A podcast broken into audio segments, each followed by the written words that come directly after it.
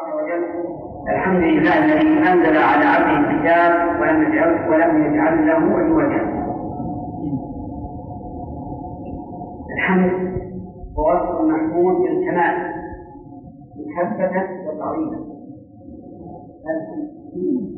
أن تصف المحمود بالكمال محبة وتعظيما. وبقولنا محبة وتعظيما خارج المدح لأن المدح لا يستلزم المحبة والتعظيم بل قد يمدح الإنسان شخصا لا يساوي بلده لكن لرجاء منفعة أو دفع مضرة أما الحمد فإنه وصف بالكمال مع مع الحمد لله هذا اسم علم من الله عز وجل مختص به لا يوجد في غيره. وهو علم على الذات المقدسة تبارك وتعالى. الذي أنزل على عبده الكتاب. الجملة الآن. الحمد لله الذي أنزل. هل هي خبر؟ أراد الله سبحانه وتعالى أن يذكر عباده كأنه محمود. أو هي إنشاء وتوجيه. على أن نحمد الله عز وجل على هذا. أو الجميع. جميع هو خبر من الله عن نفسه وهو إرشاد لنا أن نحمده عز وجل على ذلك. الذي أنزل الكتاب الذي أنزل على عبده الكتاب ولم يجعل له عوضا عبده يعني محمد صلى الله عليه وسلم. وصفه بالعبودية لأنه أعظم البشر لله عز وجل. وقد وصف الله تعالى بالعبودية في حال إنزال الكتاب عليه وفي حال الدفاع عنه. وفي حال الإسراء به فقال جل وعلا في حال الإنزال إنزال القرآن عليه أنزل على عبده الكتاب. وفي حال الدفاع عنه وإن كنتم في ريب مما نزلنا على عبدنا. يعني محمد صلى الله عليه وعلى آله وسلم. وفي حال الإسراء به لقوله تعالى سبحان الذي أسرى بعبده ليلا من المسجد يعني في أشرف مقامات النبي صلى الله عليه وسلم وصف الله تعالى بأنه عبد ونعم الوصف أن يكون الإنسان عبدا لله. حتى قال العاشق لا تدعوني إلا بيا عبدها فإنه أشرف أسماء. وقول أنزل على عبده الكتاب هو القرآن. وسمي كتابا لأنه مكتب أو لأنه جامع لأن الكتب بمعنى الجمع. ولهذا يقال الكتيبة يعني المجموعة من الخير. والقرآن قال في هذا وهذا. فهو مجموع. وهو أيضا جامع الكتاب. ولم يجعل له عوجا لم يجعل له أي هذا القرآن عوجا بل هو مستقيم. ولهذا قال قيما. وقيما حال. من قوله الكتاب. أن حال كونه قيما. فإن قال قائل لماذا لم يجعلها صفة لأن الكتاب منصوب وقيما منصوب. فالجواب أن قيما نكرة والكتاب معرفة. ولا يمكن أن يوصف أن توصف المعرفة بالنكرة ومعنى قيما يعني أنه مستقيم مستقيم غاية الاستقامة وهنا ذكر نفي العيب أولا ثم إثبات الكمال ثانيا وسام أين العيب؟ العيب نعم. ولم يجعل له عوضا قول ولم يجعل له الكمال؟ قيما وهكذا ينبغي أن تخلي المكان من الأذى ثم تضع الكمال. ولهذا يقال التحلية قبل التحلية يعني قبل أن تحلي الشيء أخذ المكان. أما ينافي التحلل ثم حلل وفي قوله تعالى ولم يجعل له عوجا قيما آه، تنبيه. وهو أنه يجب الوقوف على قوله ولم يجعل له عوجا لأن لو وصل لصار الكلام تناقض ولم يزل له عوجا قيما كيف؟ هل العوج قيم؟ لا إذا قف ولم يجعل له عوجا قيما آخره وما هي الحكمة من جدال القرآن؟ بين الله في قوله لينذر بأسا شديدا من لدنه. لينذر. الضمير يحتمل أن يكون عائدا على على عبده. ويحتمل أن يكون الضمير على الكتاب. وكلاهما. صحيح الكتاب نزل على الرسول لأجل أن ينذر به. والكتاب نفسه منذر. ينذر الناس ينذر بأسا شديدا من لدنه أن ينزل الله عز وجل. والبأس هو العذاب. كما قال تعالى والصابرين في البأساء والضراء. وحين البأس وقوله تعالى وقوله تعالى فجاءها بأسنا بيانا. يعني إيش؟ يعني عذابا ينذر بأس شديد من الجن ويبشر المؤمنين. نجد أن الله سبحانه وتعالى حدث المفعول في قوله ينذر وذكر المفعول في قوله يبشر. فكيف نقدر المفعول في ينذر؟ نقدره مقابل يبشر وهذه فائدة من فوائد علم التفسير أن الشيء يعرف بذكر نظير. بذكر قليل المقابل له. إذا يبشر المؤمنين ينذر من؟ ينذر الكافرين وحذف المفعول بدلالة ما بعده عليه. وذكرنا أن القرآن قد يستدل ببعض الألفاظ على بعض ذكر المقابل ومنه قوله تعالى فانفروا قبائل أو انفروا جميعا. قبات يعني الدليل. لأن أو انفروا جميعا. ويبشر المؤمنين الذين يعملون الصالحات لا بد مع الإيمان العمل الصالح لا يكفي الإيمان وحده بل لا بد من عمل صالح. ولهذا قيل لبعض السلف أليس مفتاح الجنة لا إله إلا الله؟ يعني فمن أتى به فتح قال بلى. ولكن هل يفتح المفتاح بلا أن الجواب لا. لا بد من أعمال يبشر المؤمنين الذين يعملون الصالحات. أولا نسأل من المؤمنون؟ المؤمنون الذين آمنوا بما يجب الإيمان به. وقد بين الرسول عليه الصلاة والسلام ما يجب الإيمان به لجبريل. حين سأله عن الإيمان فقال حبيبي.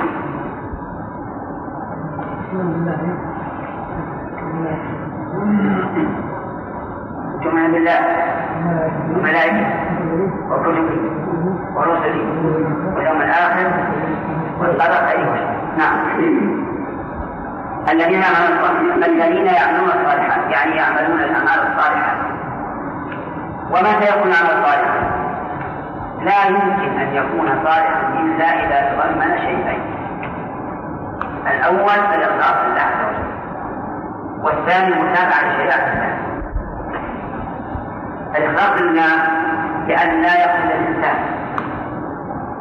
بعمل سوى وجه الله عز وجل وسائر الآخرة المتابعة أن لا يخرج عن شريعة الله عز وجل سواء شريعة محمد عليه الصلاة والسلام أو غيره ومن المعلوم أن الشرائع بعد بعثة الرسول كلها مندوبة طيب. الإخلاص ما ضده الشرك.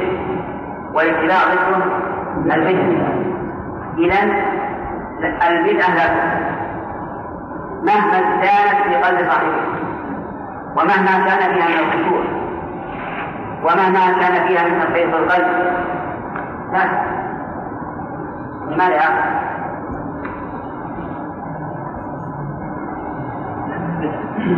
لا. هل أن نقول ما لأنهما.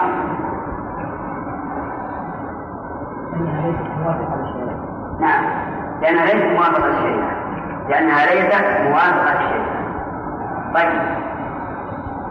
ولهذا نقول كل بدعة مهما استحسنها مبتدعها فإنها غير مقبولة بل هي ضلالة كما قال صلى الله عليه وعلى آله وسلم. طيب. من عمل عملا على قدس الشمس ظاهرا. لكن القلب فيه رياء. فهذا لا نقبل لماذا؟ إذا لابد من أمرين إخلاص لله عز وجل واتباع رسول الله صلى الله عليه وسلم وإلا لم يكن صالحا بماذا يبشرهم قال أن لهم أجرا حسنا ماكثين فيه أبدا أجرا حسنا أجرا أي ثوابا وسمى الله ثواب الأعمال أجرا لأنها في مقابلة عمل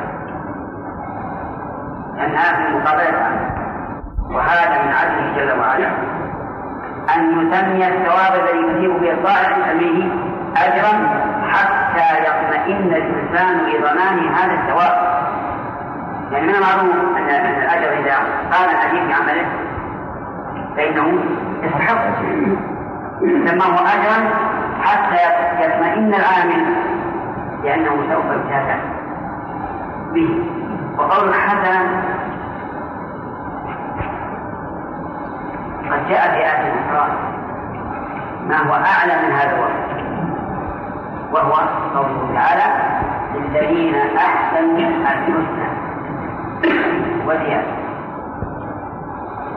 وجاء في آية أخرى مثل هذه الآية هل جزاء الإحسان إلا الإحسان. فهل نأخذ بما يقصد السبب أو بما يقصد الأكمل؟ بما يقصد الأكمل فنقول حسنا أي هو أحسن شيء. ولا شك في هذا.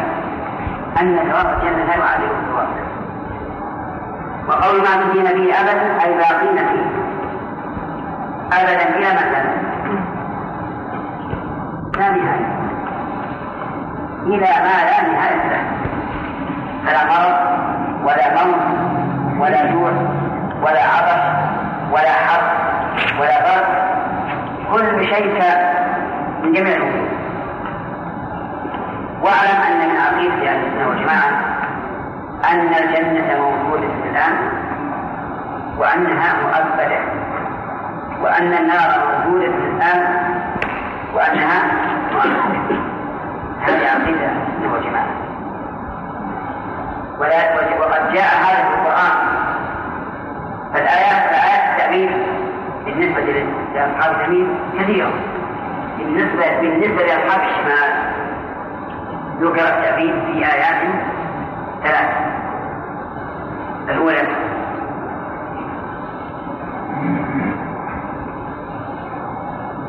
نعم. سورة النساء إن الذين كفروا وظلموا لم يكن الله ليغفر لهم ولا لهم طريقا إلا طريق جهنم خالدين فيها. ولا الثانية نور. نعم. هذا هذا. الآية الثانية في سورة الجن. لا. قبل الجن.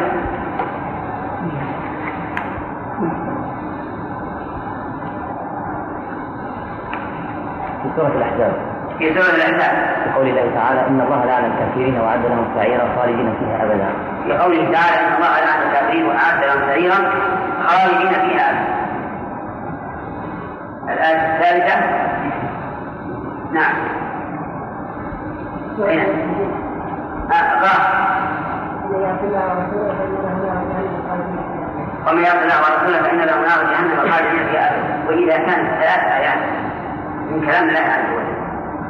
صريحا في التأويل فلا ينبغي أن نقاتل في ذلك الخلاف لأن الشاعر الحكيم يقول وليس كل خلاف جاء معتبرا إلا خلافا له حظ من النظر. وهذا لا حظ كيف يكون الخالق العليم خاليا في أبد ونقول ما في أبدية؟ هذا غريب. أغرب ما يكون طيب إذا ما في به أبدا هذا يدل على إيش؟ على أبدية. النار فلا فزيون القاعدة في مذهب السنة والجماعة أن النار والجنة أن الجنة والنار مخلوقتان الآن لأن الله ذكر في الجنة وعدت وذكر في النار وعدت ثانيا أنهما مؤبدتان. لا تثنيان لا هما ولا فيهما نعم. ما فيها في أبدا الذين قالوا اتخذ الله ولدا ما لهم به من هذا كالإيضاح لما أفهم في الآية السابقة. وينذر الذين قال اتخذ الله ولدا مثل النصارى قالوا مسيح الله؟ واليهود قالوا لا الله. والمشركون قالوا الملائكة بنات. فتقاتل الذكور والإناث وعزير وليس بنبي ولكنه رجل صالح والمسيح وهو نبي. قال الله تعالى ما لهم به من علم ما لهم به. أي بالولد أو بالقول. نعم. ما لهم به أي بهذا القول. أو ما لهم به أي بالولد من علم. وقول ما لهم به من علم. إذا انتفى العلم شرط شرط الجهل و نعم. ولا لآبائهم الذين قالوا مثل قوله. ليس لهم بذلك علم ليس إلا هناك أوهام. أوهام ظنها حقائق. وإلا بلد العلوم ما لهم ولا لآبائهم كبرت كلمة تخرج من أفواههم. كبرت كلمة هذه. قد تشكل على قلبه لأن كبرت في الماضي مؤنث كلمة. مقوى فيقال كبرت كلمة. ولكن الجواب على هذا أن يقال إن كلمة تميل وإن الفاعل محذوف. والتقدير كبرت مقالتهم كلمة. كبرت مقالتهم كلمة تخرج من أقوالهم أي عظمة لأنها عظيمة والعياذ بالله. كما قال الله تبارك وتعالى تكاد السماوات يتفطرن منه وتنشق الأرض وتخر الجبال هدا. أن دعوا للرحمن ولدا وما ينبغي للرحمن أن ولدا. يعني مستحيل غاية الاستحالة أن يكون له ولد. قال قائل أليس الله يقول؟ قل إن كان للرحمن ولد فأنا أول العابدين. فالجواب بلى. قال الله لكن تعليق الشر لا يدل على وقوع المشروع إن كان. وهل يمكن أن يكون؟ لا نفهم من الآيات أنه لا يمكن أن يكون وهذا كقوله تعالى الرسول عليه الصلاة والسلام فإن كنت في شك مما أنزلنا إليك فاسأل الذين يقولون أن لا. لا. لكن على فرض الأمر ما الذي لا يقع وهذا كقوله تعالى لو كان فيهما آلهة إلا الله لفسدتا ولا يمكن أن يكون فيهما آلهة والله عز وجل. فتبين بهذا يا إخواني أن وجود الشر لا يدل على إمكان المشهور بل قد يكون مستحيلا غاية الاستحالة ما يمكن كبرت كلمة تخرج من أفواههم. فعلنا نستفيد من قول من أفواههم أن هؤلاء يكون في ليس في قلوبهم وأنهم لا يستيقنون أن الله من الله ولد لأن أي عاقل لا يمكن أن يقول إن لله ولد وكيف يمكن أن يكون لله ولد وهذا الولد ما بشر نراه مثلنا. يأكل ويشرب ويلبس ويلحق الجوع والعطش والحر والبرد كيف يكون ولدا؟ هذا غير ولذلك قال إن يقولون إلا كذبا. إن معنى ما يقول ومن علامات إن النافية أن يقع بعدها إلا. مثل إن أنت إلا يقولون إلا إن هذا لفظ مبين. أي ما يقول هؤلاء إلا كذبا. والكذب الخبر المخالف للواقع. الكذب هو الخبر المخالف للواقع. والصدق والخبر المطابق للواقع. فإذا قال قائل قدم فلان اليوم وهو لم نعم. كذب سواء علم أو لم يعلم. سواء حتى وإن لم يعلم. أنه أنه كذب. خلافا لما يظنه بعض الناس أن الكذب ما كان عن عمد أي ما خالف الواقع عن عمد لا حتى وإن لم يكن عن عمد ودليل ذلك قصة سبيعة الأسلمية رضي الله عنها حين مات عنها زوجها وهي حامل. فوضعت بعد موته بليالي. ثم خلعت ثياب الحجاب ولبست ثيابا جميلة تريد أن تخطب فدخل عليها نابل بن قال لها ما أنت بناكح حتى يأتي عليك أربعة أشهر وعشر لأن هي وضعت بعد موت زوجها بنحو أربعين ليلة أو أقل أو أكثر هذا ما ذكر. بقي عليه بقي على أربعة أشهر قال ما أنت بنازل حتى يأتي عليك أربعة أشهر لبست ثيابها ثياب الحجاج ثم أتت إلى الرسول صلى الله عليه وعلى آله وسلم.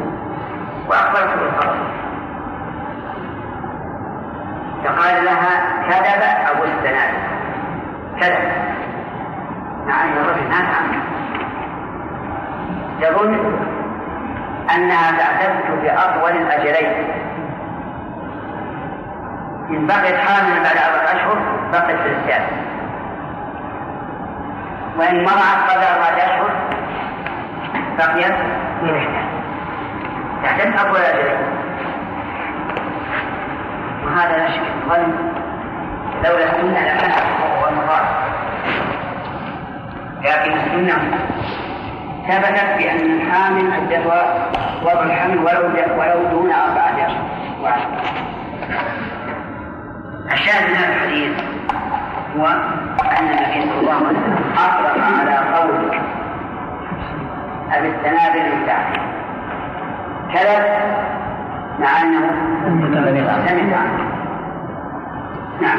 إن يقولون إلا كذبا قال الله تعالى فلعلك باخع نفسك على آثارهم إلا نعم على آثارهم إن لم يؤمنوا بهذا الحديث أسفا فلعلك خطاب الرسول عليه الصلاة والسلام. باخع نفسك أي مهلك نفسك. وذلك الرسول عليه الصلاة والسلام. إذا لم يجيبوه حزن حزنا شديدا. وضاق صدره. حتى يكاد فسلاه الله عز وجل. وبين له أنه ليس ليس عليه من كتابه شيء.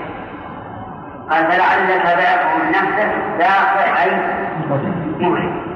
على آثارهم أي باتباع آثارهم. اتباعهم لعلهم يخرجون لعلهم يرجعون اذا تولوا.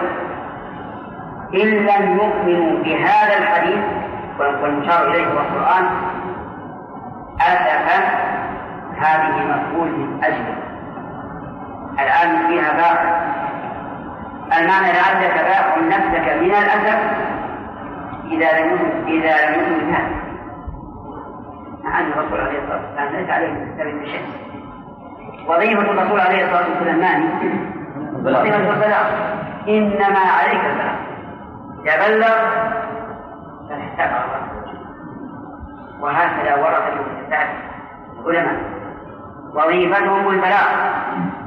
وأما الهداية فهي بيد الله عز وجل. فلا تحت عليه ولا تكن بغير يقولون. ومن المعلوم أن الإنسان لا شك أنه يحدث إذا لم يستجب الناس للحق لكن الحاجب إذا لم يقبل الناس الحق على نوعين. نوع يحزن لأنه لم يقبل ونوع يحزن لأن الحق لم يقبل. ايهما مفتوح؟ الثاني لأن الأول إذا دعا فإنما يدعو لنفسه والثاني إذا دعا فإنما يدعو إلى الله عز وجل. ولهذا قال الله تعالى ادعوا إلى سبيل ربك لكن لو قال أنا أحسن إذا لم يقبل قولي لأنه حق.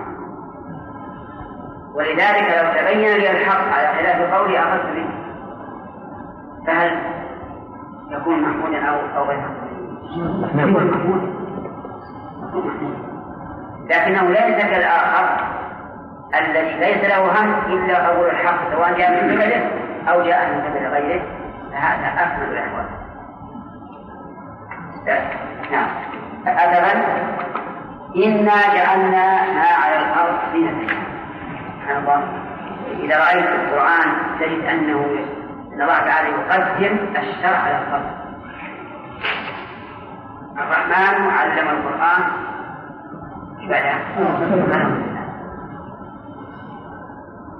وتأمل الآيات في هذا المعنى. تجد أن الله يبدأ بالشرائع قبل ذكر الخلق ما يتعلق به لأن المخلوقات إنما سخرت للقيام بطاعة الله قال الله تبارك وتعالى وما خلقت الجن والإنس إلا إيش؟ وقال هو. الذي خلق لكم ما الأرض إذا المهم هو القيام بطاعته تأمل هذه النقطة. حتى يتبين لك أن أصل الدنيا وإيجاد الدنيا إنما هو بقيام شريعة الله عز وجل. طيب. يقول إنا جعلنا ما إنا جعلنا ما على الأرض زينة لها. جعلنا بمعنى سيارة وجعل تأتي بمعنى خلق. وتأتي بمعنى طيب. إن تعدت مفعولا واحدا فإنها معنى خلق مثل قوله تعالى وجعل الظلمات والنور. جعل يعني خلق. ليش؟ خلق. وإن تعدت بمفعولين فهي بمعنى غيره. لقوله تعالى إنا جعلناه قرآنا عربيا. أي سيرناه بلغة العرب. وإنما نبهت على ذلك لأن الجهمية يقولون إن الجعل بمعنى الخلق في جميع المواضع ويقولون معنى جعلناه قرآنا عربيا أي خلقناه. ولكن نقول أن عجب. لا تعلم اللغة العربية جعل إن تعدت لمفعول واحد فهي بمعنى خلق. خلق. خلق. ولمفعولين طيب. معنى طيب طيب. قال إنا جعلنا ما على الأرض زينة هنا. جعل بمعنى خلق أو بمعنى طيب معنى طيب والمفعول الأول ماء.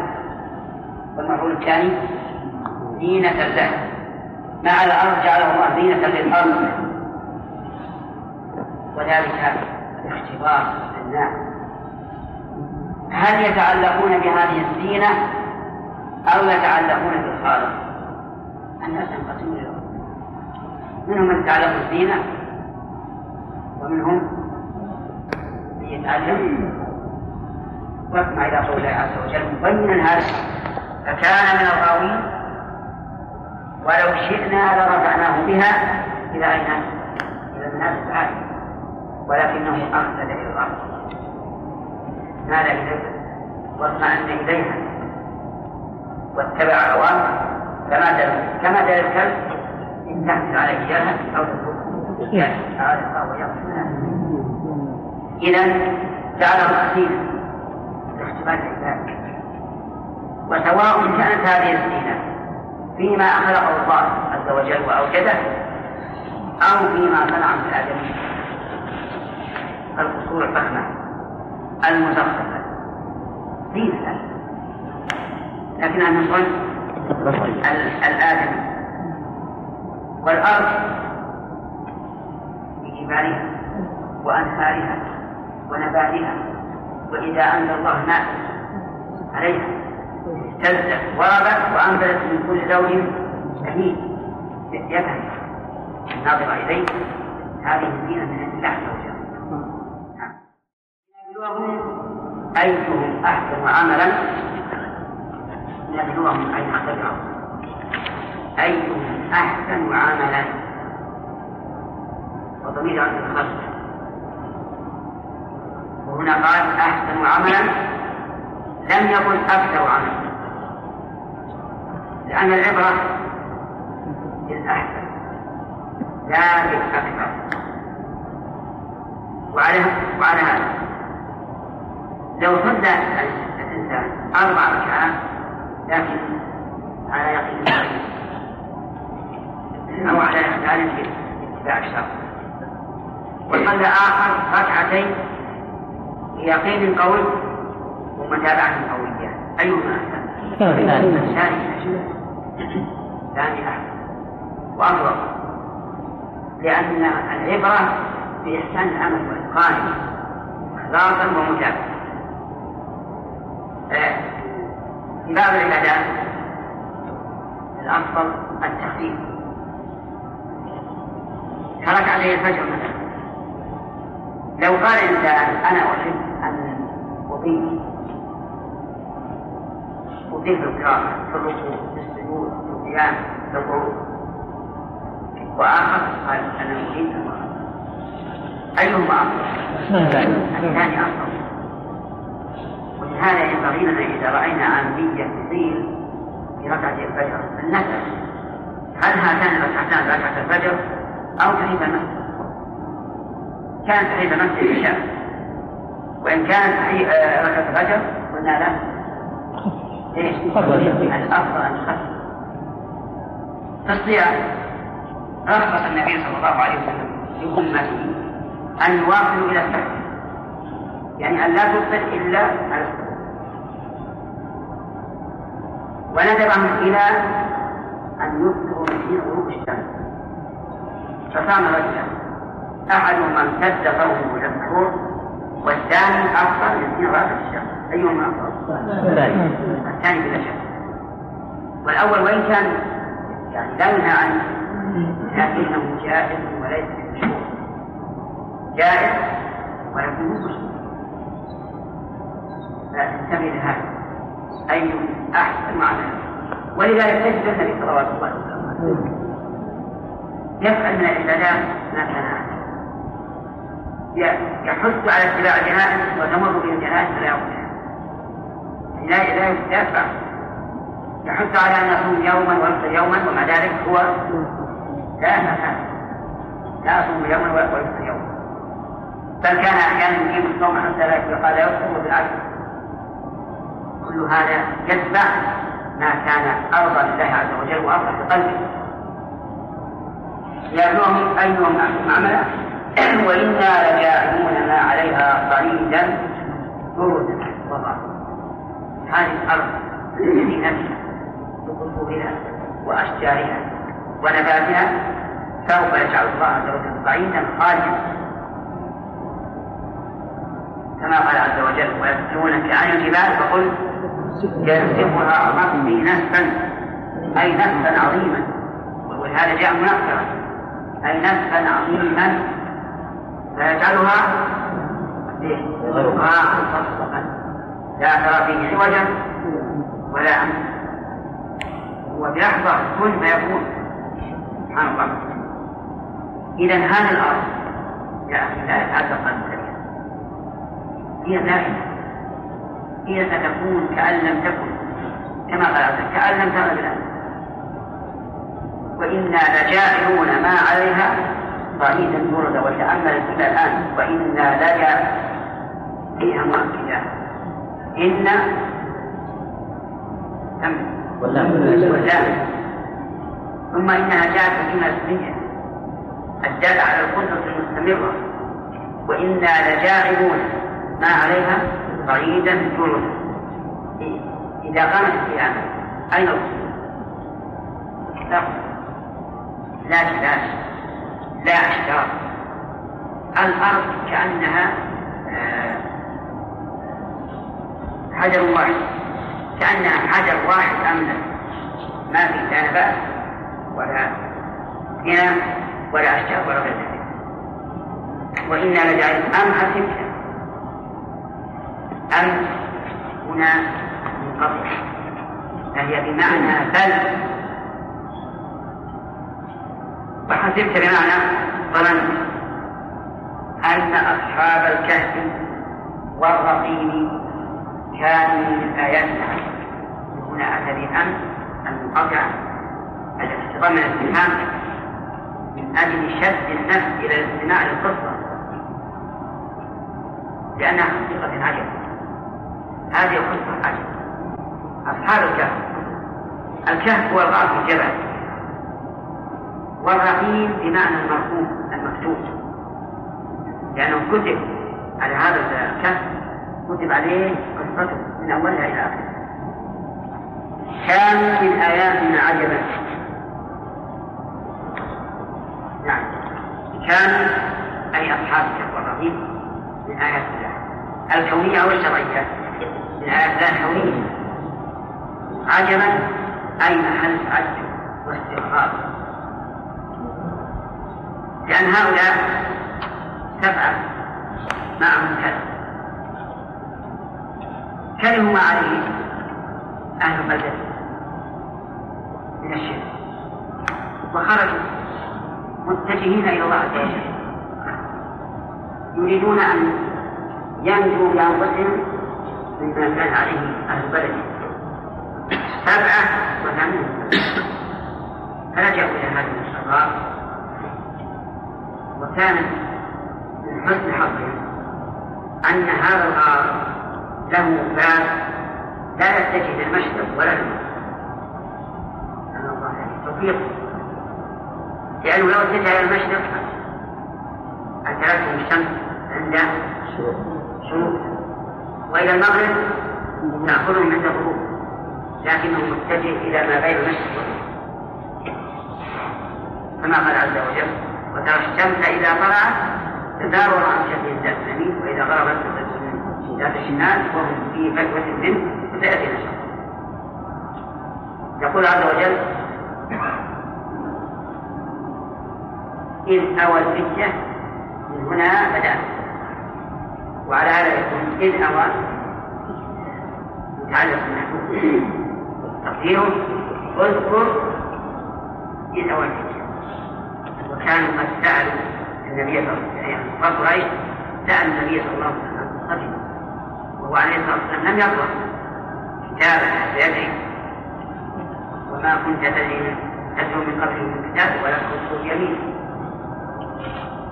فوعدهم فأنجز الله له أوى الفتية إلى الكهف الفتى والشاب. الكامل القوة والعزيمة.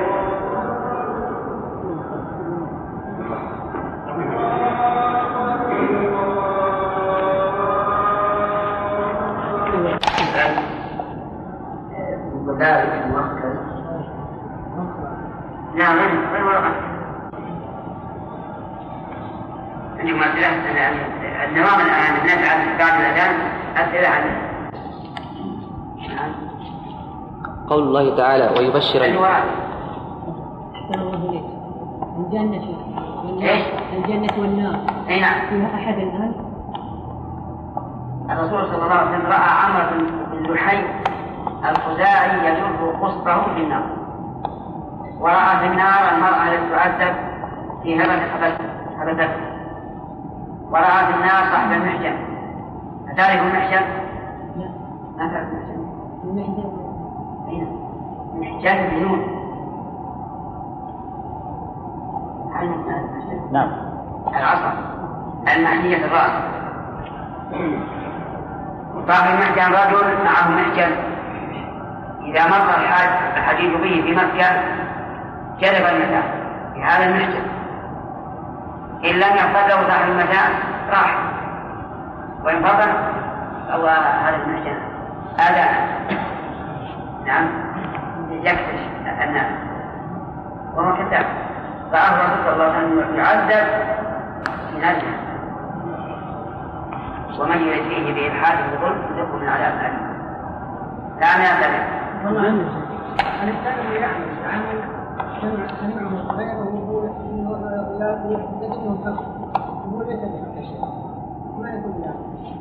إذا كان برضه إذا كان الغير أهلا للتأسي به بأن يكون طالب علم وعابد لله.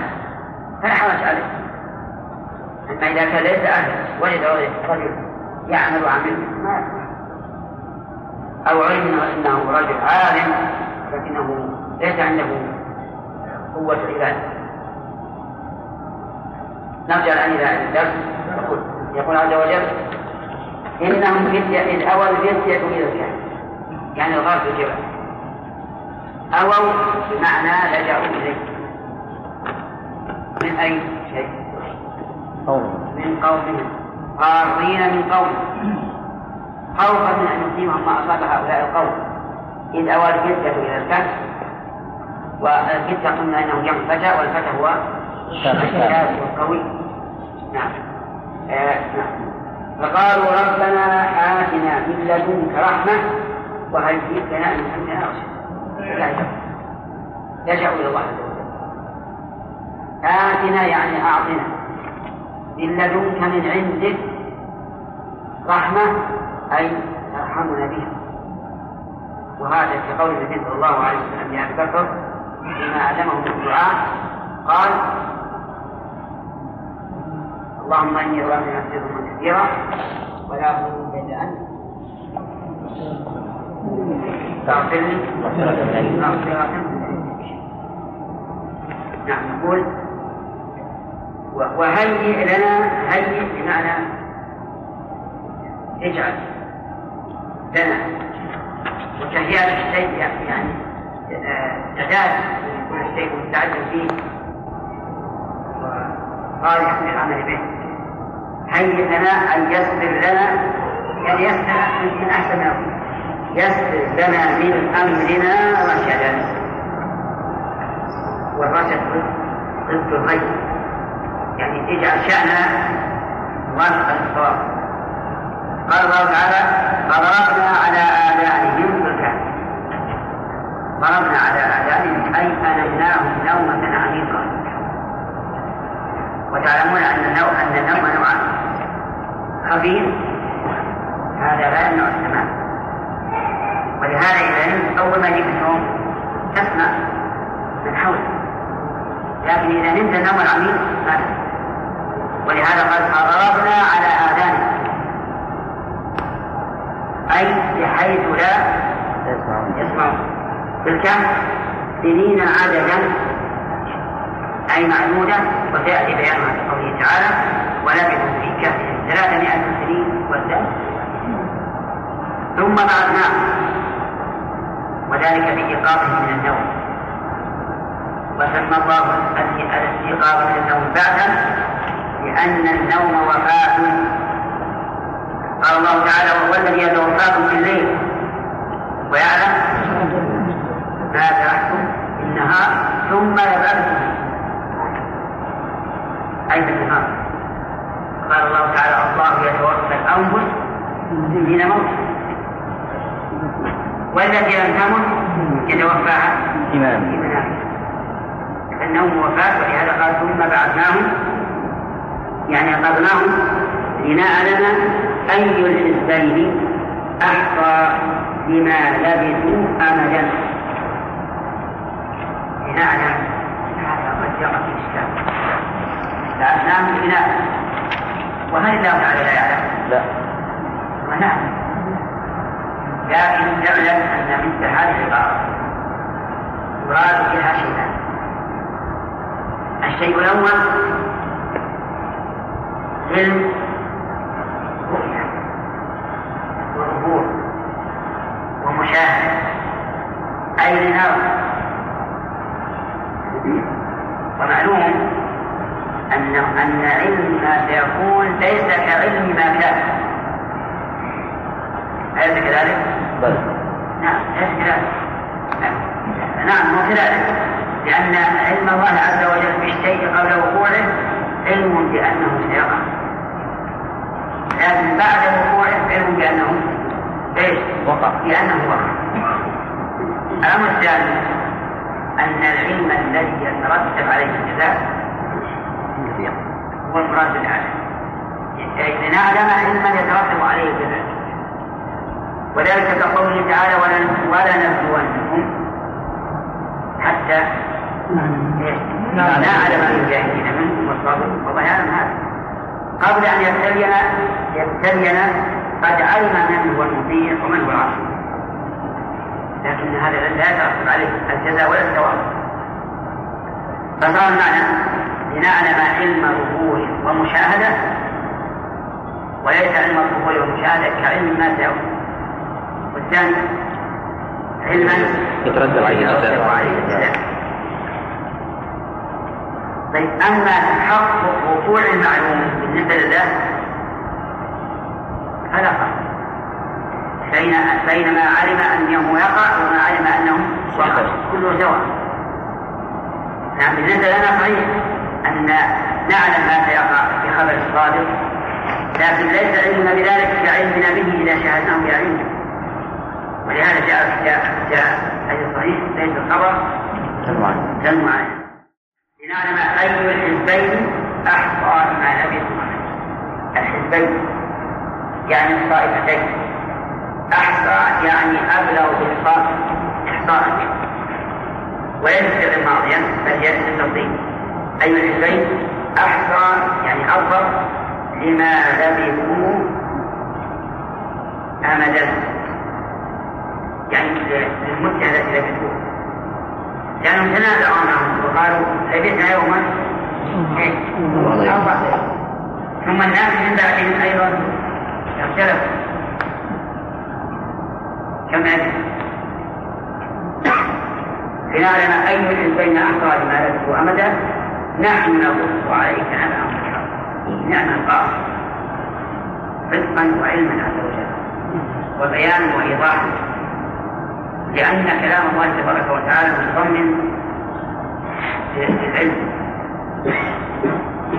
والصدق والفصاحة والإرادة. أربعة أشياء. كلامه عز وجل عن علم. كلامه أيضا عن صدق كلامه في غاية الفصاحة إرادته بهذا الكلام خير إرادة.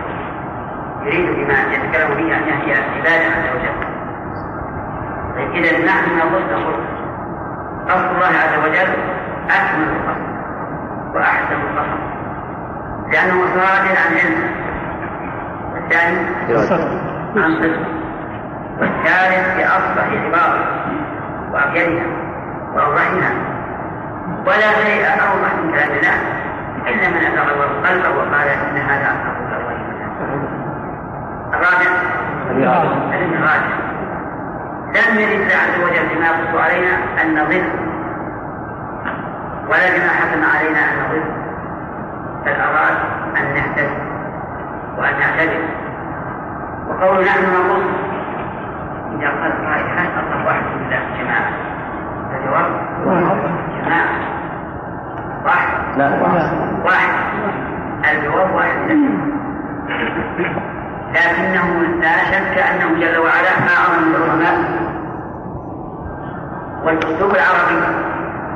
إذا أسند الواحد إلى نفسه صيغة الجمع فهو يعني أنه عظيم. عظيم. التعظيم معلوم أنه لا أحد اعظم من الله عز وجل.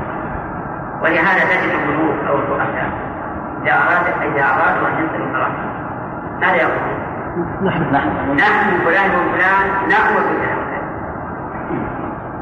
إذا كل ضمائر الجنة المنسوبة لله عز وجل المراد بها التعظيم التعظيم نقص عليك نبأهم بالحق. أي نقص عليك؟ ونحدثك به؟ نبأهم أي خبرهم؟ بالحق أي بالصدق المصادق للواقع إنهم فتية. أنت فتية. شباب. لكن عندهم قوة العزيمة قوة الإيمان. وزدناهم هدى. زادهم الله عز وجل هدى لأن الله تعالى يزيد الذين يهتدون هدى.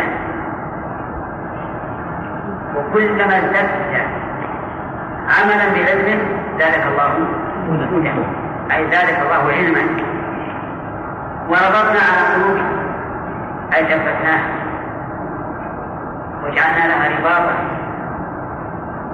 لأن جميع قولهم إيش؟ على ضده ومخالفة القول تحتاج إلى تسليم لا سيما أنهم شباب والشاب ربما يؤدي فيها أبوه ويقول له اغفر. ولكن الله ربط على قلوبهم وثبتهم اللهم ثبتنا يا رب. وربطنا على قلوبهم يعني ثبتناها وقويناها إذ قاموا يعني في قول معلمين بالتوحيد فقالوا ربنا رب السماوات والأرض. ولم يبالي فهم كسحرة فرعون. ماذا قالوا؟ قالوا لن نؤثرك على ما جاء من البينات والذي فطرنا تقضي ما أنت قاضي سوف إنما تقضي هذه الحياة والدنيا كلها قاضيه منتهيه قالت تلك الفقر ولا بد لكل انسان من أحد امرين إما الهرم وإما الموت. ونهاية الهرم الموت. ولهذا يقول الشاعر لا قيمة للعيش ما دامت منغصة لذاته باتكال الموت والهرم. الإنسان كلما تذكر يموت صار في حال البصر فإنه لا يقيم عيشه لكن من نعمة الله عز وجل أن الناس ينسون هذا الأمر لكن هؤلاء الناسين أو لكن هؤلاء الناسين منهم من ينسى هذا الأمر لاشتغاله ببعض الله ومنهم من ينسى لاشتغاله بالدنيا فرق بين الأمرين. قرآن الكهف في في في الفترتين يلا نكمل. يلا نكمل. نسأل الله العافية. ولكني أسأل هل تريدون أن نسأل عن الدرس الماضي أو نمشي؟ ها؟ تسألون؟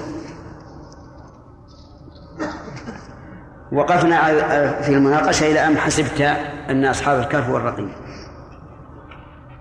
نعم آه، الكهف والرقيم كانوا من آياتنا عجبا وش اللي وقفنا عليه؟ اللي, قرأناه بعد بعد الأذان اللي قرأناه بعد الأذان هو اللي يحتاج مناقشة لأن الأول ناقشناه. ها؟ إذ أولا طيب. قوله تبارك وتعالى إذ أوى الفتية إلى الكهف. آه، ما المراد بالفتية هنا؟ معنى يعني معنى الفتية. هو الشاب الكامل في قوته نعم. أحسن. قوله فضربنا على آذانهم ولم يقل فنو أنمناهم إشارة إلى عمق نومهم وأنهم لا يسمعون شيئا. والنائم الذي نومه خفيف يسمع. و و وكلما صوت عليه سمع. أما هؤلاء فلا يسمعون. قول بعثناهم يستفاد منه أنت. نعم. أن النوم يسمى وفاة أن النوم وفاة. وهل في القرآن ما يدل على ذلك صراحة؟ نعم قول الله عز وجل هو الذي يتوفاكم بالليل ويعلم ما جرحتم بالنهار ثم يبعثكم فيه. أحسن. بارك الله فيك. قوله لنعلم أي الحزبين أحصى لما لبثوا أمدا. أليس الله تبارك وتعالى عالما بذلك قبل أن يكون؟ الجواب. نعم ولا ولا لا؟ هو عالم. أي كيف كيف قال لنعلم والم- والمعروف أن اللام للتعليل؟ يحتمل أن يراد أن يراد علم ظهور المشاهده نعم. أو أنه علم الجزاء يعني علم يترتب عليه الجزاء. طيب. لكن في غير هذا في هذه الآية قد لا يصح هذا الوجه الثاني. أي الحزبين؟ من هما؟ فراس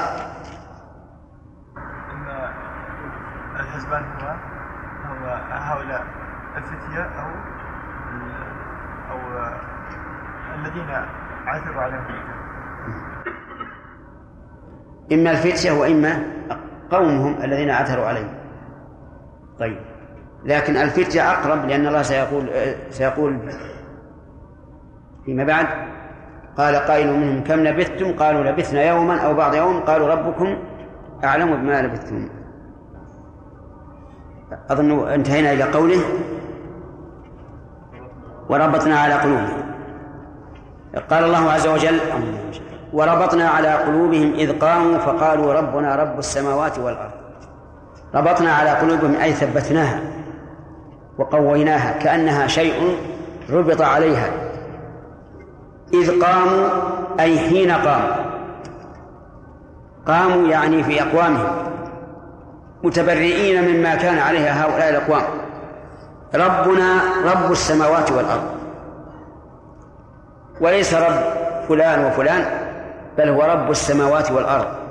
فهو سبحانه وتعالى مالك وخالق ومدبر للسماوات والأرض. لأن الرب الذي هو اسم من أسماء الله معناه الخالق المالك المدبر. رب السماوات والأرض السماوات السبع والأرض كذلك سبع كما جاءت بذلك النصوص. ولا حاجة لذكرها لأنها معلومة والحمد لله.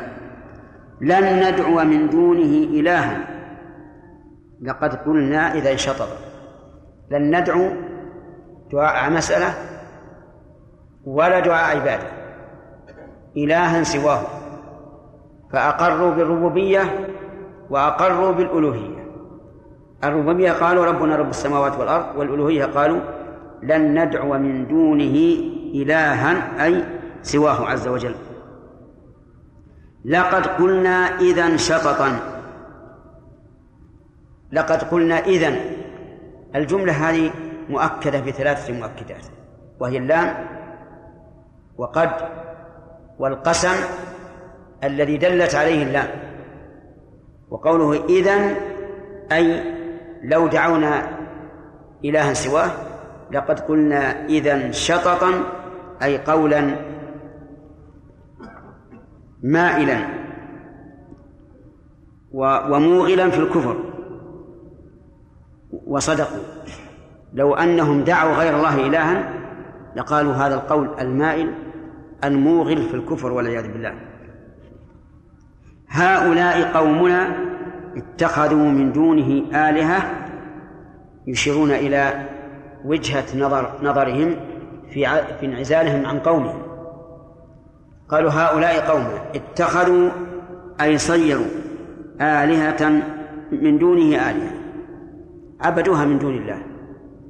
لولا يأتون عليهم بسلطان بين يعني هلا يعني لولا هنا بمعنى هلا ولولا لها معاني تأتي لها في اللغة العربية ليس هذا موضع ذكرها لكنها هنا بمعنى هلا مثلها مثل قوله تعالى لولا جاءوا عليه بأربعة شهداء أي هل جاءوا يأتون عليهم أي على هذه الآلهة أي على كونها آلهة وكونهم وكونهم يعبدونها فالمطلوب منهم شيئان أن يثبتوا أن هذه آلهة وأن يثبتوا أن عبادتهم لها حق. وكلا الأمرين مستحيل. لو لا يأتون عليهم بسلطان بين وقوله بسلطان بين. السلطان كل ما للإنسان به سلطة. كل شيء له سلطة به فهو سلطان. قد يكون المراد به الدليل. مثل إن عندكم من سلطان بهذا. وقد يكون المراد القوة والغلبة مثل قوله تعالى إنما سلطانه يعني الشيطان على الذين يتولونه والذين هم به مشركون. وقد يكون الحجة والبرهان كما هنا وكما ذكرنا قبل قليل بسلطان بين أي بحجة ظاهرة يكون لهم بها سلطة. والجواب يمكن أو لا يمكن؟ لا يمكن. ولهذا قالوا فمن أظلم ممن افترى على الله كذبا. الفاء للتفريق ومن استفهام بمعنى النفي. أي لا أحد أظلم ممن افترى على الله كذبا. واعلم أن الاستفهام إذا ضمن معنى النفي صار فيه زيادة فائدة وهي أنه يكون مشربا معنى التحدي لأن النفي المجرد لا يدل على التحدي. لو قلت ما قام زيد ما في تحدي.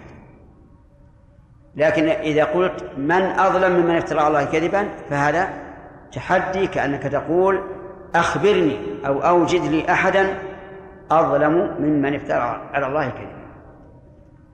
وقول من أظلم أي من أشد ظلما ممن افترى على الله كذبا بالنسبة الشريك إليه وغير ذلك. كل من افترى على الله كذبا فلا أحد أظلم منه. أنت لو كذبت على شخص لكان هذا ظلما. على شخص أعلى منه لكان هذا ظلما أعلى من الأول. فإذا افتريت على الله كذبا صار لا لا ظلم فوقه ولهذا قال فمن أظلم ممن افترى على الله كذبا. فإن قال قائل نجد أن الله تعالى يقول في فمن أظلم ممن افترى على الله كذبا ويقول ومن أظلم ممن منع مساجد الله أن يذكر فيها اسمه. وتأتي أظلم في موضعين. وأظلم تدل على اسم التفضيل. فكيف الجمع؟ نقول إن هذا إن الجمع أنها اسم تفضيل في نفس المعنى الذي وردت به. فمثلا من أظلم ممن منع مساجد الله. أي لا أحد أظلم منعا ممن منع إيش؟ مساجد الله يذكر في أسمه. الكذب. أي الكذب أظلم؟ الكذب على الله عز وجل. فتكون الأظلمية هنا بالنسبة للمعنى الذي سيقت فيه. ليست أظلمية مطلقة لأنه لو كانت أظلمية مطلقا لكن فيه نوع من من التناقض. لكن لو قال قائل ألا يمكن أن تقولوا أن تقولوا إنها اشتركت في الأظلمية؟ يعني هذه أظلم شيء وهذه أظلم شيء. نقول لا يمكن أيضا. لأنه لا يمكن أن تقرب بين من منع مساجد الله أن يكرى فيها اسمه وبين من افترى على الله كذبا. أيهما أعظم؟ الثاني فلا يمكن أن يشترك في الأظلمية وحينئذ يتعين المعنى الأول. ما هو المعنى الأول؟ أن تكون الأظلمية بالنسبة للمعنى الذي سيقت له أو سيقت فيه. فمن أظلم ممن افترى على الله كذبا. وإذ اعتزلتموه وما يعبدون إلا الله فأووا إلى الكهف.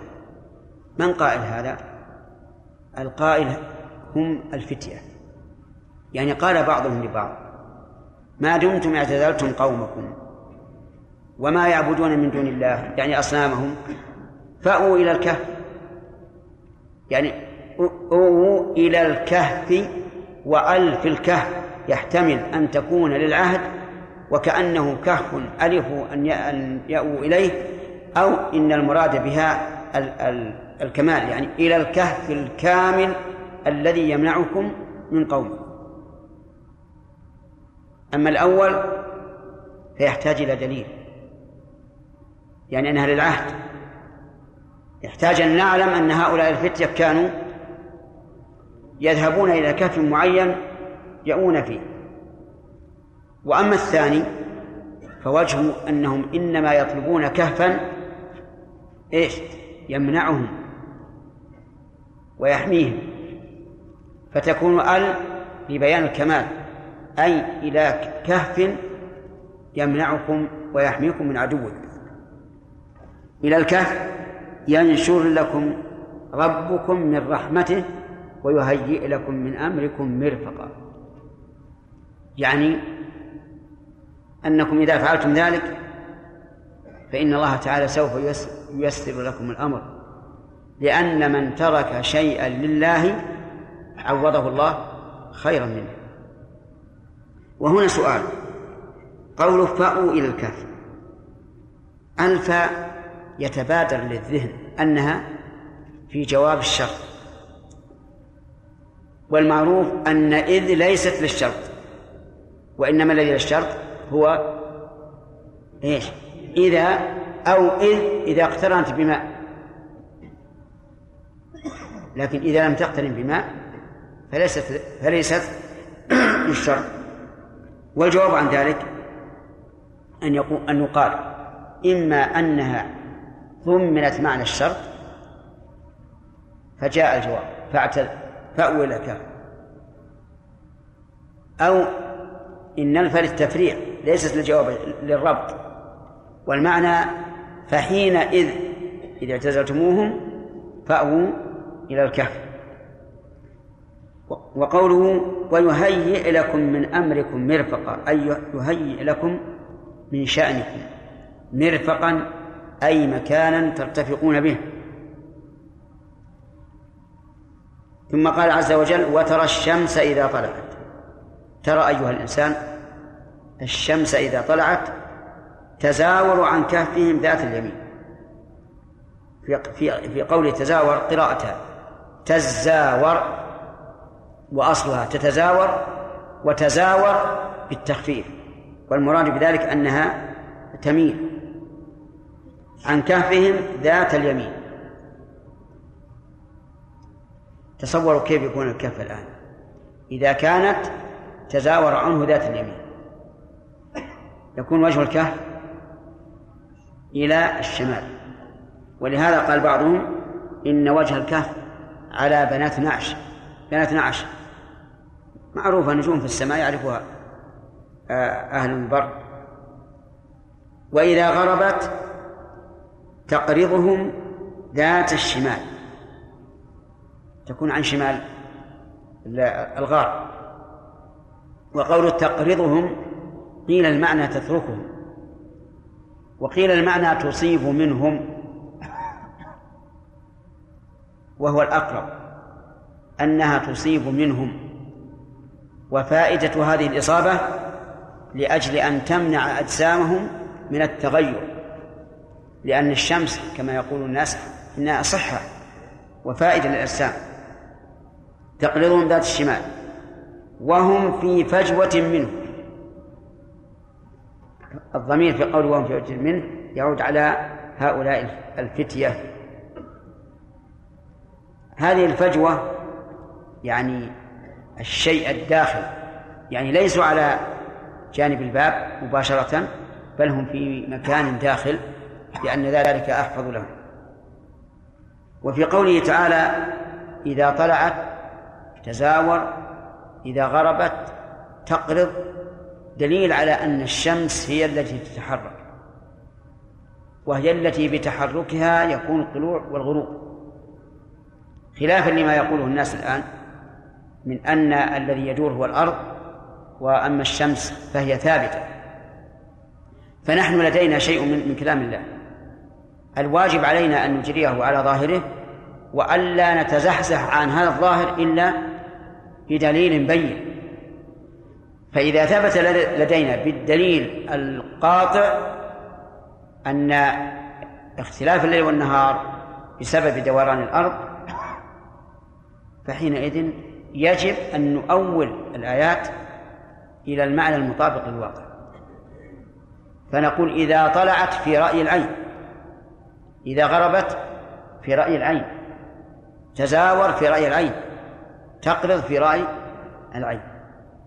أما قبل أن يتبين لنا بالدليل القاطع أن الشمس ثابتة والأرض هي التي تدور وبدورانها يختلف الليل والنهار فإننا لا لا نقبل هذا أبدا. علينا أن نقول الشمس هي التي بدورانها يكون الليل والنهار لأن الله أضاف الأفعال إليها. والنبي صلى الله عليه وعلى آله وسلم لما غربت الشمس قال لأبي ذر أتدري أين تذهب؟ فأسند الذهاب إليها. ونحن نعلم علم اليقين أن الله تعالى أعلم بخلقه. ولا نقبل حدسا ولا ظنا لكن لو أن الأمر تيقنا يقينا أن المراد أن أن الشمس ثابتة في مكان والأرض تدور ويكون اختلاف الليل والنهار حينئذ تأويل الآيات واجب حتى لا يخالف الشيء المقطوع به. قال الله تعالى ذلك من آيات الله. ذلك الضمير يعود على إيش؟ على حال هذه الفتية. خروجهم من قومهم وإيواءهم إلى هذا الغار. وتيسير الله عز وجل لهم غارا مناسبا تماما. لا شك أنه من آيات الله. الدالة على حكمته ورحمته عز وجل. هل نعتبر هذا كرامة؟ الجواب نعم نعتبره كرامة ولا شك. من يهدي الله فهو المهتدي ومن يضلل فلن تجد له وليا مرشدا. اللهم اهدنا وأعذنا من الضلال من يهدي الله هذه من؟ شرطية. والدليل على أنها شرطية حذف الياء من يهدي. والجواب فهو آه، المهتدي. وقول فهو المهتدي أصلها المهتدي بالياء. لكن حذفت الياء تخفيفا كما حذفت في قوله تعالى الكبير المتعال. ومن يضلل أي يقدر أن يكون ضالا فلن تجد له وليا مرشدا أي من يتولاه ويرشده. إلى الصواب. وفي هذا الخبر من الله عز وجل تنبيه على أننا لا نسأل الهداية إلا من الله عز وجل وأننا لا نجزع إذا رأينا من هو ضال لأن الإضلال بيد من؟ بيد الله عز وجل. فنحن نؤمن بالقدر ولا نسخطها ولا نسخط الإضلال الواقع من الله لكن يجب علينا أن نرشد هؤلاء الضالين. فهنا شرع وقدر. القدر يجب عليك أن ترضى به على كل حال. والمقدور فيه تفصيل. المشروع يجب عليك أن ترضى به بكل حال. فنحن نرضى حيث إن الله تعالى جعل الناس على قسمين مهتد وضال. ولكن يجب علينا مع ذلك أن نسعى في هداية الخلق. قال الله تعالى وتحسبهم ايقاظا وهم رقود. تحسبهم أي أي الرائي. يعني تحسبهم أيها الرائي. إذا رأيتهم تحسبهم ايقاظا. لأنه ليس عليهم علامة النوم. النائم يكون مسترخيا. وتغمض عيناه. وهؤلاء كأنهم أيقاظ. ولذلك يفرق الإنسان بين رجل نائم ورجل مضطجع. من حين يراهم حتى لو أن المضطجع أراد أن يتنوم ويخدع صاحبه لعرف أنه ليس بنائم. هم إذا رأيتهم تحسبهم أيقاظا مما يدل على أن أجسامهم بقيت على طراوتها وعلى قوتها ولم تتغير. وهم رقود جمع راقد ونقلبهم ذات اليمين وذات الشمال. وهذا من حكمة الله عز وجل. يعني مرة يكون على اليمين ومرة يكون على الشمال. ولم يذكر الله الظهر ولا البطن. لأن النوم على اليمين أو الشمال هو الأكمل. وقوله نقلبهم فيه دليل على أن فعل النائم لا ينسب إليه. وجه الدلالة؟ أن الله أضاف تقلبهم إليه. فلو أن النائم قال في نومه امرأتي طالب تطلق؟ قال في نومه في ذمة لفلان ألف ريال. يثبت؟ لا لأنه لا قصد له ولا إرادة له لا في القول ولا في الفعل. والحكمة من تقليبهم ذات اليمين وذات الشمال.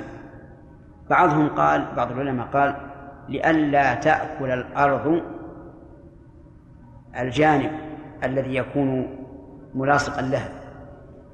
ولكن الصحيح أن أنها الحكمة ليس ليست هذه. الحكمة من أجل توازن آه، الدم في الجسد. حتى يتوازن لأن الدم يسير في الجسد. فإذا كان على جانب واحد أوشك أن ينحرم منه الجانب الأعلى. ولكن الله عز وجل بحكمته جعلها جعلهم يتقلبون. ونقلبهم ذات اليمين وذات الشمال. وكلبهم باسط ذراعيه بالوسيط. يعني الكلب كأنه والله أعلم لم ينم.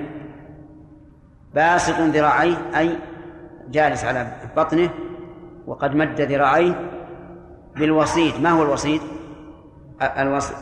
الوسيط هو يعني فتحة فتحة الكهف أو فناء الكهف. يعني إما أن يكون على الفتحة وإما أن يكون إلى جنب الكهف في فنائه ليحرسه. وفي هذا دليل على جواز اتخاذ الكلب للحراسة حراسة الآدميين. أما حراسة الماشية فقد جاءت به السنة. حراسة الحرث جاءت به السنة. حراسة الآدمي نعم من باب أولى لأنه إذا جاز اتخاذ الكلب لحراسة الماشية أو للصيد الذي هو كمال وليس بضرورة فاتخاذه لحراسة البيت من باب أولى.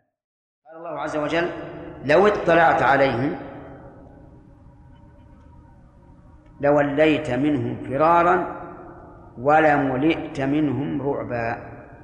لو اطلعت أيها الرائي عليهم لوليت منهم فرارا.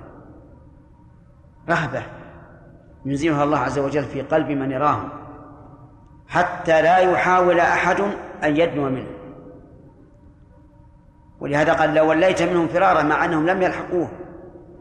لكنه خائف منهم ولملئت منهم رعبا. ملئت مهم ملئ قلبك كلك صرت رعبا. وهذا يدل على شدة الخوف الذي الذي يحصل لمن رآه. قال الله تعالى وكذلك بعثناهم ليتساءلوا بينهم. أي كما فعلنا بهم من هذه العناية تيسير الكهف لهم وإنامته وإنامتهم. هذه المدة طويلة. بعثهم الله. أي مثل هذا الفعل بعثناهم فعلنا بهم فعلا آخر. ليتساءلوا بينهم. كما جرت به العادة أن الناس إذا ناموا يتساءلون إذا قاموا. من الناس من يقول ما الذي رأيت في منامك؟ ومنهم من يقول لعل نومك آه، لذيذ وما أشبه ذلك. قال قائل منهم كم لبثتم؟ كجار العادة. كم لنا نائمين؟ قالوا لبثنا يوما أو بعض يوم. لبثنا يوما أي كاملا أو بعض يوم أي بعض اليوم. وذلك لأنهم دخلوا في أول النهار وبعثوا من النوم في آخر النهار. فقالوا لبثنا يوما إن كان هذا هو اليوم الثاني أو بعض يوم إن كان هذا هو اليوم إيش؟ الأول. وهذا مما يدل على عمق نومهم. قالوا لبثنا يوما أو بعض يوم. قالوا أي قال بعضهم لبعض ربكم أعلم بما لبثتم. وكأن هؤلاء القائلين قد شعروا بأن النومة طويلة. لكن لا يستطيعون أن يحددوا. أما الأولون فحددوا بناء على إيش؟ بناء على الظاهر. وأما الآخرون فلم يحددوا بناء على الواقع. لأن الإنسان يفرق بين النوم اليسير والنوم الكثير. ثم قال بعضهم لبعض ابعثوا أحدكم بورقكم هذه إلى المدينة. ابعثوه بورقكم. الورق والفضة. كما جاء في الحديث وفي الرقة ربع العشر. كان معهم دراهم من الفضة. ابعثوا أحدكم بورقكم هذه إلى المدينة فلينظر أيها أزكى طعاما فليأتكم برزق منه. تضمن هذا أولا جواز التوكيل في الشراء. لقولهم فابعثوا أحدكم والتوكيل في الشراء جائز. وفي البيع جائز أيضا. ولا يخفى أن الرسول صلى الله عليه وسلم وكل أحد أصحابه أن يشتري له أضحية. أعطاه دينار. قال اشتر أضحية. فاشترى شاتين بالدينار ثم باع إحداهما بدينار فرجع بشاة ودينار. فدعا له النبي صلى الله عليه وسلم أن يبارك الله له في بيعه فكان لا يشتري ترابا إلا ربح فيه. وقد أخذ العلماء من هذا الحديث أنه يجوز تصرف الفضول أي يجوز للإنسان أن يتصرف في مال غيره إذا علم أن غيره يرضى بذلك. فهؤلاء وكلوا أحدهم أن يذهب إلى المدينة ويأتي بالرزق. وفي هذا أيضا دليل على أنه لا لا بأس على الإنسان أن يطلب أطيب الطعام. لقولهم فلينظر أيها أزكى طعاما. أزكى طعاما وفيه دليل أيضا على ضعف قول الفقهاء. إنه لا يصح الوصف بالأفعل. مفهوم هذا؟ ها؟ طيب الوصف بالأفعل. يعني معناه لا يجوز أن تقول أبيع عليك برا أطيب ما يكون.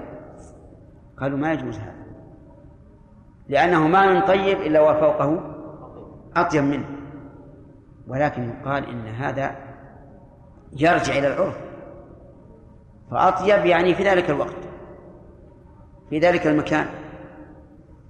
فلينظر أيها أزكى طعاما هل من السنة ما يشهد لطلب الأزكى من الطعام؟ الجواب نعم. وذلك أن النبي صلى الله عليه وسلم أقر الصحابة الذين باعوا التمر الرديء بتمر جيد ليطعم النبي صلى الله عليه وسلم منه. ولم ينههم عن هذا. ما قال هذا ترفه. اتركوا طلب الأطيب. فالإنسان قد فسح الله له في أن يختار الأطيب من الطعام أو الشراب أو المساكن أو الثياب أو المراكب. ما دام الله أعطاه قدرة على ذلك فلا يلام. فلينظر أيها فليأتكم برزق منه. يعني يشتري ويأتي به. فجمعوا في التوكيل بين الشراء والإحضار. بين الشراء والإحضار. وليتلطف ولا يشعرن بكم أحد. وليتلطف أي يتعامل بخفية. لئلا يشعر بهم فيؤذون وهذا يعني أنهم ظنوا أنهم لم يلبثوا إلا قليلا. ولا يشعرن بكم أحدا أي لا يخبرن أحدا بكم ثم عللوا هذا الأمر بالتلطف والنهي عن الإشعار. إنهم إن يظهروا عليكم يرجموكم أو يعيدوكم في ملتهم ولن تفلحوا إذا يعني إن عدتم في ملتهم أبدا. يعني أنهم لابد أن يقتلوكم أو يردوكم على على عقابكم بعد إيمانكم. وفي هذا دليل على اتخاذ الحذر من الأعداء. بكل وسيلة. إلا الوسائل المحرمة فهي محرمة لا يجوز أن يقع الإنسان فيها. ثم قال عز وجل وكذلك أعثرنا عليهم. يعني أضف إلى بعثهم أن الله أعثر عليهم. أعثر عليهم يعني أطلع عليهم قومهم ليعلموا أن وعد الله حق وأن الساعة لا ريب فيها. أطلع الله قومهم عليهم ليعلموا أن وعد الله حق. بماذا؟ إما أن المعنى بقيام الساعة الذي كان ينكره هؤلاء أو بأن الله تعالى ينجي المؤمنين من الكفار. لأن هؤلاء فتية سبعة نجوا من أمة عظيمة تقاتلهم وتنهاهم عن التوحيد. والظاهر أن المعنى ليعلموا أن وعد الله حق بنصر أوليائه. وأن الساعة لا ريب فيها. الساعة يعني قيام الساعة. لا ريب فيها أي لا شك. واقعة لا محالة. ثم قال عز وجل إذ يتنازعون بينهم أمرهم.